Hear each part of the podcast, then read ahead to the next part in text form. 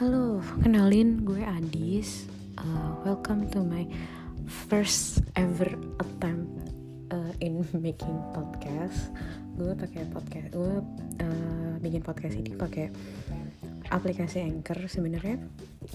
Gue tadi kalau tadi kenapa gue bilang ini adalah first attempt karena sebenarnya kalau boleh jujur gue tuh bukan bukan apa ya bukan bukan niat buat kayak gue mau bikin konten reguler podcast atau kayak yang tau kan ya kayak podcast mingguan atau yang kayak tiga hari sekali ada ada konten baru atau seminggu sekali ada konten baru enggak. Maksudnya tapi kayak gue tuh udah lama penasaran sih kayak gimana sih kalau gue bikin podcast gitu kan? Apakah apakah gue bisa gitu atau enggak? Dan apalagi kan maksud gue kayak kalau podcast kan lo cuma dengar suara gue lo nggak usah lihat muka gue kayak I think it would be a better platform for me gitu, if I want to talk in public without showing my face. Nah tapi anyway terus kebetulan juga uh, pas gue memutuskan untuk kayak gue pengen nyoba deh nih bikin podcast gimana gue tuh baru aja nonton film judulnya adalah Ave Mariam film Indonesia uh, yang digarap sama Robi Artanto sutradaranya. Terus yang main itu adalah Modi Kusnedi ada Chico Jericho ada Tuti Kirana Olga Lydia sama Joko Anwar. Nah jadi gue pikir kayak ya udahlah kenapa enggak gue menggunakan momen ini sekaligus juga buat kayak ngomongin film Ave Mariam uh, ceritanya sendiri kalau mungkin kalian udah pernah baca sempat baca sinopsisnya atau kayak kalau bisa kalian lihat di website uh, di website di beberapa berita atau di website 21 mungkin atau mungkin kalau misalnya kalian baca di Twitter ini ceritanya soal suster Biarawati namanya Mariam yang diperankan oleh uh, Modi Kusnedi yang dulu pernah jadi jenap waktu di serial Sidul kalau misalnya kalian mungkin udah lahir pada zaman itu gitu kan. Terus um, Suster Mariam ini dia tuh bekerja di dia tuh kayak bertugas di semacam panti apa ya kayak panti buat biarawati yang udah lanjut usia gitu. Jadi kayak dia membantu merawat mereka kayak mendampingi mereka tiap hari ya tugasnya kayak gitulah. Terus uh, satu kali di tempatnya Mariam ini kedatangan seorang uh, romo atau pastor namanya uh, Romo Yosef yang diperankan oleh Chico Jericho mungkin kalau misalnya kalian dengar dari apa yang tadi udah gue bahas gitu mungkin kalian sebenarnya udah bisa kali bisa lah ya ngira-ngira arah ceritanya tuh ke mana gitu. Nah kemudian apa ya? Ini sorry ya gue ngomongnya nggak pakai skrip jadi ya mungkin agak belepotan. Nah waktu gue pas sebenarnya yang pertama kali bikin gue tertarik nonton film ini itu adalah uh, karena gue liat trailernya kan. Gue liat trailernya di situ kayak uh, the shots were all beautiful gitu. Kayak sinematografinya tuh bagus. kayak bagus uh, apa tone warnanya tuh cantik banget. Yang ya gue nggak tahu mungkin gue juga sebenarnya agak referensi gue untuk film terutama termasuk juga untuk film Indonesia tuh agak kurang. Tapi gue tuh masih agak jarang gitu ngeliat ada film Indonesia yang sinematografinya tuh secantik itu gitu. Mungkin kalau misalnya kalian penasaran kalian bisa lihat di YouTube. Terus sama satu lagi sih ya karena gue penasaran juga uh, karena masih kayak masih jarang ada film Indonesia yang mengangkat temanya tuh ya kayak Biarawati sebagai tokoh utamanya gitu. Jadi karena waktu pas gue liat trailernya kan gue nggak tahu nih ceritanya soal apa gitu kan. Dan emang trailernya tuh nggak banyak ngasih tahu ngasih petunjuk ngasih clue lah soal ini sebenarnya filmnya soal apa sih gitu. Jadi kayak gue pikir ya udahlah gue nonton aja gitu kan. Terus Nah, masalahnya adalah waktu beberapa hari sebelum filmnya tayang dan sebelum gue nonton, uh, sempat ada kabar bahwa sempat ada kabar bahwa film ini tuh kena sensor lumayan lumayan banyak. Jadi waktu pertama kali ditayangkan di screening di sebuah festival, gue lupa festival apa. Ave Maria itu durasinya adalah 85 menit. Tapi waktu pas udah masuk bioskop, ternyata durasinya berubah jadi 73 menit alias berkurang 12 menit. Yang kayak ya ada yang bilang sih kayak karena sensor 12 menit itu sama dengan ada tiga atau empat adegan yang mungkin dipotong yang dipotong yang ada waktu di versi aslinya tapi pas di bioskop tuh nggak ada gitu. Nah gue tuh sebenarnya sempat udah yang agak ya gimana ya sensornya agak ternyata agak banyak nih ganggu nggak ya? gitu kan ganggu dalam artian kayak iya sensornya kasar nggak ya ngeguntingnya gitu. Terus itu yang pertama. Yang kedua juga gimana kalau misalnya sensornya itu adalah di adegan-adegan yang justru penting gitu loh buat ceritanya. Nih kira-kira kalau kita nonton versi yang disensor nih kita bakal bingung nggak ya ngikutin filmnya gitu. Tapi ya setelah gue berpikir-pikir gitu kan ya ya udahlah gue tetap tetap nonton aja deh daripada gue daripada gue bingung berasumsi gitu kan mendingan gue nonton aja gitu. Lah kalau misalnya filmnya bagus terus ternyata gue nggak nonton kan gue nyesel. Akhirnya gue nonton. Nah setelah gue menonton um, gini kalau kan kemarin tadi setelah gue nonton ada temen gue namanya Nadia dia sempat nanya kan ah film kah filmnya bagus nggak? Nah kalau misalnya ditanya bagus atau enggak ya kalau menurut gue sih sebenarnya filmnya Iya filmnya tuh bagus gitu loh. Saya seperti yang tadi Seperti yang dijanjikan oleh trailernya The film was beautifully shot gitu. Kan Ini syutingnya di Semarang Kayak mereka tuh kayak milih lokasinya Emang kayak lokasi yang Emang terkenal di Semarang tuh kayak The most beautiful corners of the city gitu loh. Terus kan karena settingnya 98 kayak ya dapat aja gitu sebenarnya. Dapat aja nuansa jadulnya ya kecuali mungkin ada beberapa setting yang agak miss gitu. Gue sih oh ya gue nih berusaha untuk nggak spoiler ya. Jadi mungkin kalau misalkan penasaran kalian bisa nonton langsung.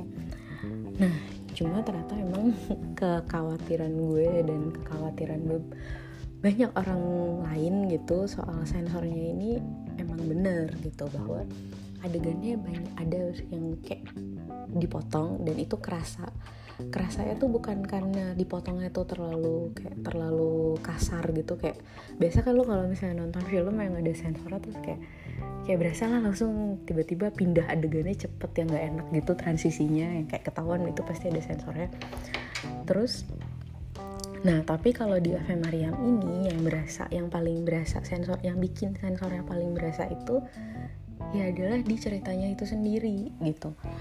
Karena uh, gue juga nggak tahu karena gue kan nggak nonton versi aslinya ya yang belum yang di screening yang 85 menit.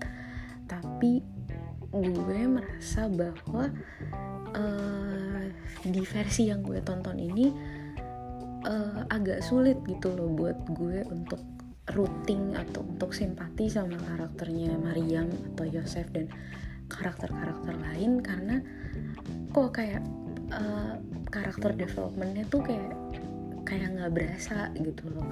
Kayak kayak nggak berasa. Ya mungkin ini spoiler sedikit ya. Jadi sebenarnya uh, di film ini digambarkan bahwa kayak ada semacam sparks semacam sparks atau kayak chemistry lah gitu antara si suster Mariam dan Romo Yosef. Nah yang jadi masalah adalah Mariam kan suster uh, Yosef adalah Romo yang dua-duanya itu sebenarnya sudah me, apa ya sudah menyatakan untuk hidup selibat atau tidak menikah, tidak berhubungan dengan lawan jenis gitu. Uh, karena mereka sudah mengabdikan hidupnya kepada kepada Tuhan gitu kan kepada gereja. Jadi ya gue sih tahu gue ngerti gitu. Mungkin ini topiknya agak sensitif gitu kan. Cuma ya itu gitu kayak gue merasa bahwa kok gue tuh agak susah gitu loh untuk bersimpati atau untuk untuk ngerasain konfliknya mereka gitu konflik konflik batinnya mereka terutama ya konfliknya Mariam gitu kan karena dia adalah tokoh sentralnya kayak gue nggak dapet uh, uh, apa ya namanya kayak konflik kebat konflik batin konflik batin atau kayak emotional strugglingnya dia gitu. Kayak gue nggak dibikin sih iya. Dalam situasi seperti itu kan lo pasti harus memilih gitu kan. Bahkan dalam dialog dalam salah satu dialognya pun udah dijelasin bahwa dia harus memilih gitu antara antara keputusannya dia untuk menjadi suster atau dia harus mengikut atau dia ya dia ngikutin aja keinginannya dia ya untuk sama Romo Yosef ini gitu. Maksud gue ya itu kan temanya berat ya. Temanya tuh top, tuh topik yang berat maksudnya tapi gue tuh agak susah gitu untuk bisa ngerasain. Bukan buat relate ya tapi kayak gue agak susah untuk bersimpati untuk kayak gue pengen untuk kasih ya kasarnya agak susah untuk gue untuk merasa iba atau ikut bersimpati sama suster sama suster Mariam ini gitu. Karena eh, nggak uh, berasa gitu nggak berasa aja. Eh, nggak uh, berasa aja emotional strugglingnya itu gitu. Ini sorry ya gue ngomongnya gak belepotan karena gue nggak pakai skrip nah kemudian juga sama juga dengan uh, karakternya si Romo Yosef ini gitu. Pertama gue sih sebenarnya nggak tahu ya kenapa uh, pertimbangannya menjadikan Romo Yosef itu seperti itu gitu. Kayak aktingnya Chico bagus aktingnya Chico tuh bagus. Gue gue sih selalu suka-suka aja gitu kalau ngeliat dia kalau lihat dia main film.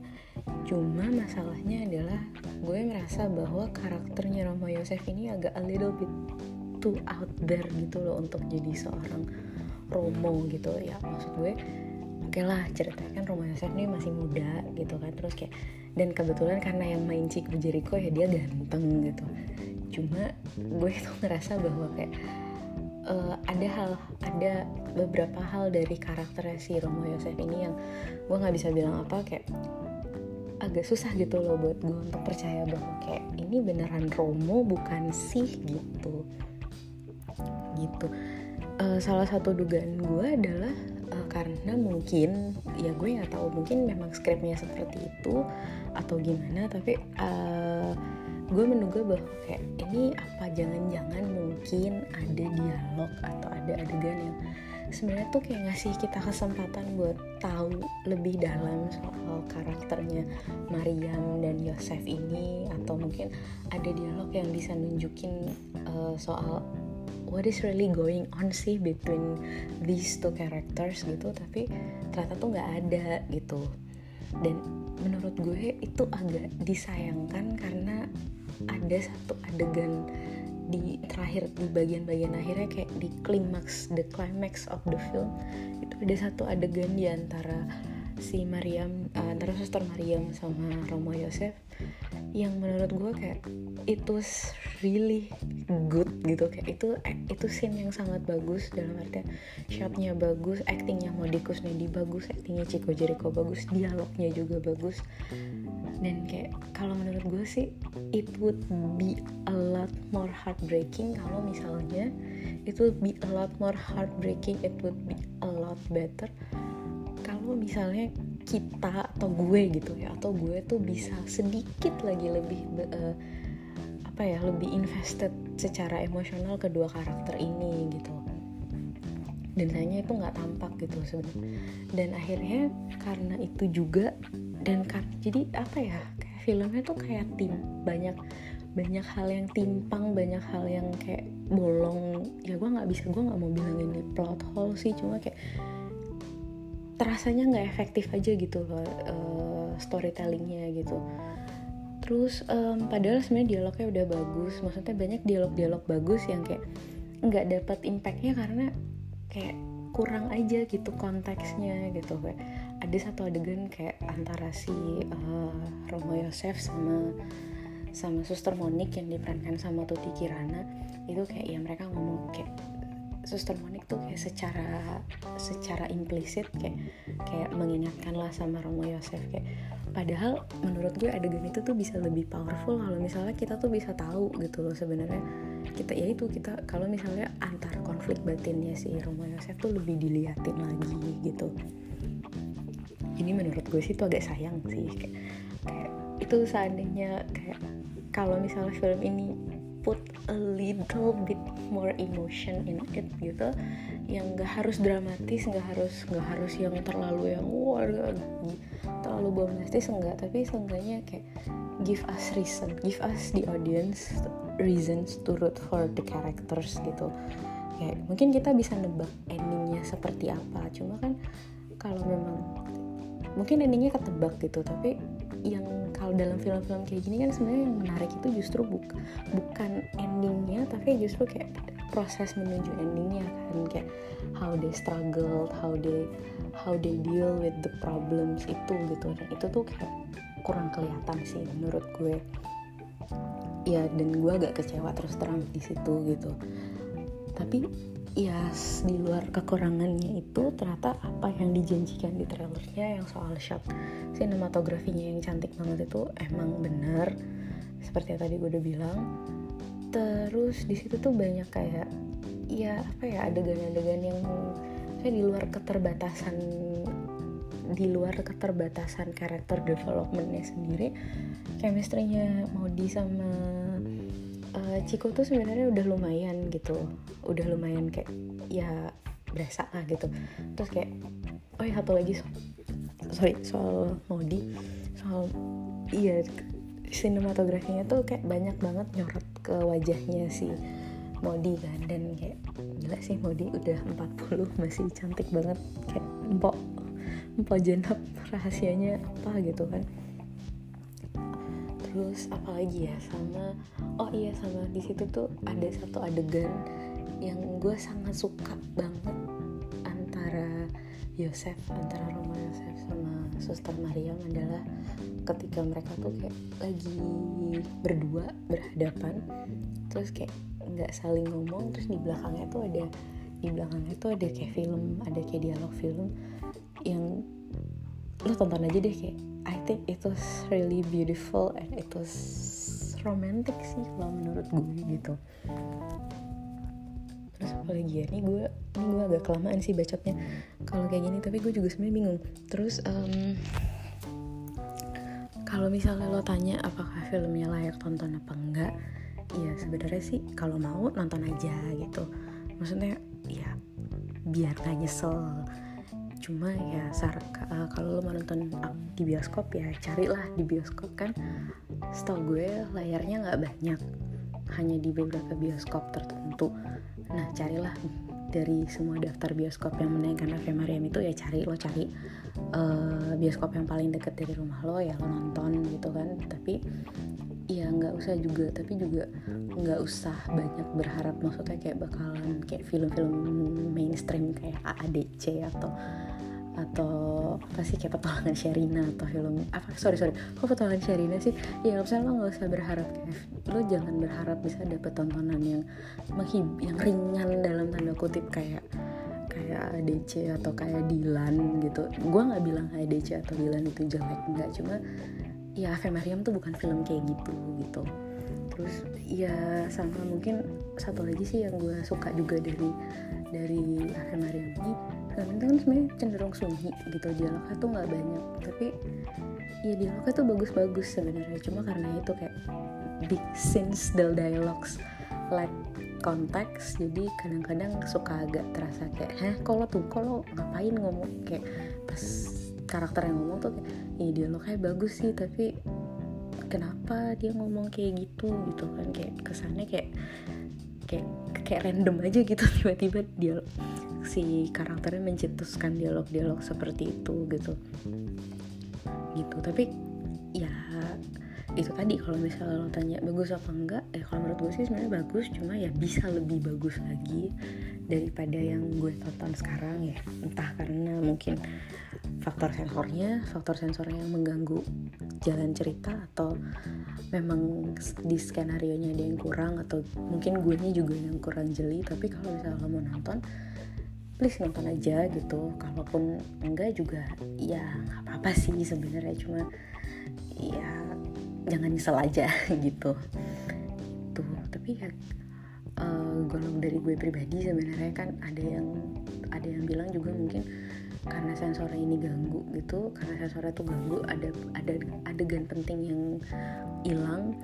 Gue sih sebenarnya berharap gue bisa nonton lagi versi yang tidak disensornya gitu. Entah itu kalau misalnya tiba mungkin gue bisa dateng di screening yang nayangin film ini atau mungkin atau mungkin ternyata film ini bisa masuk ke Netflix gitu kan yang versi utuhnya gitu. Ya maksudnya buat sekedar pembanding aja sih apakah apakah benar gitu dugaan gue bahwa apakah benar dugaan gue ini film ini jadi pincang karena adegannya hilang atau memang mungkin ada kekurangan dari faktor script writingnya gitu. Tapi ya uh, nevertheless sebenarnya akan lebih enak kalau misalnya misalnya mungkin kalau misalnya gue nonton kedua kali dengan versi yang lebih lengkap gue bisa ngasih assessment yang lebih adil. Tapi kalau misalnya lo tanya gue sekarang ya itu penilaian gue ya kak.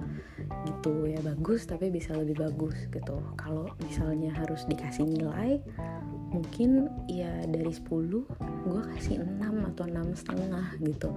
Ya sebenarnya sih gue tuh pengen banget ngasih ini tuh lebih tinggi. Tapi ya karena gue tuh anaknya nonton kalau nonton itu kayak gue sangat mementingkan kayak ini ceritanya gimana bagus apa enggak? Ya terpaksa saat ini gue kasih itu gitu. Ya tapi ya mungkin segitu aja dulu sih sebenarnya yang pengen gue sampaikan gitu. Kalau misalnya mungkin kalian udah nonton atau kalian punya pendapat berbeda atau sama atau kalian punya unek-unek juga soal film ini atau kalian punya pendapat soal ini please nggak usah malu-malu buat ngasih tahu gue gitu kan via twitter atau dm atau ya gimana lah. Mungkin kita bisa ngobrol soal film ini. Dan kalau bisa sih kalian uh, kalau bisa sih kalian juga kasih komen soal podcast yang gue bikin ini maksud gue gue sih tahu sih in a nutshell pasti uh, banyak banget kekurangannya but I would be happy to hear your thoughts about both the films and about my attempt in making podcast oke okay? segitu dulu uh, sampai jumpa nggak tahu kapan bye.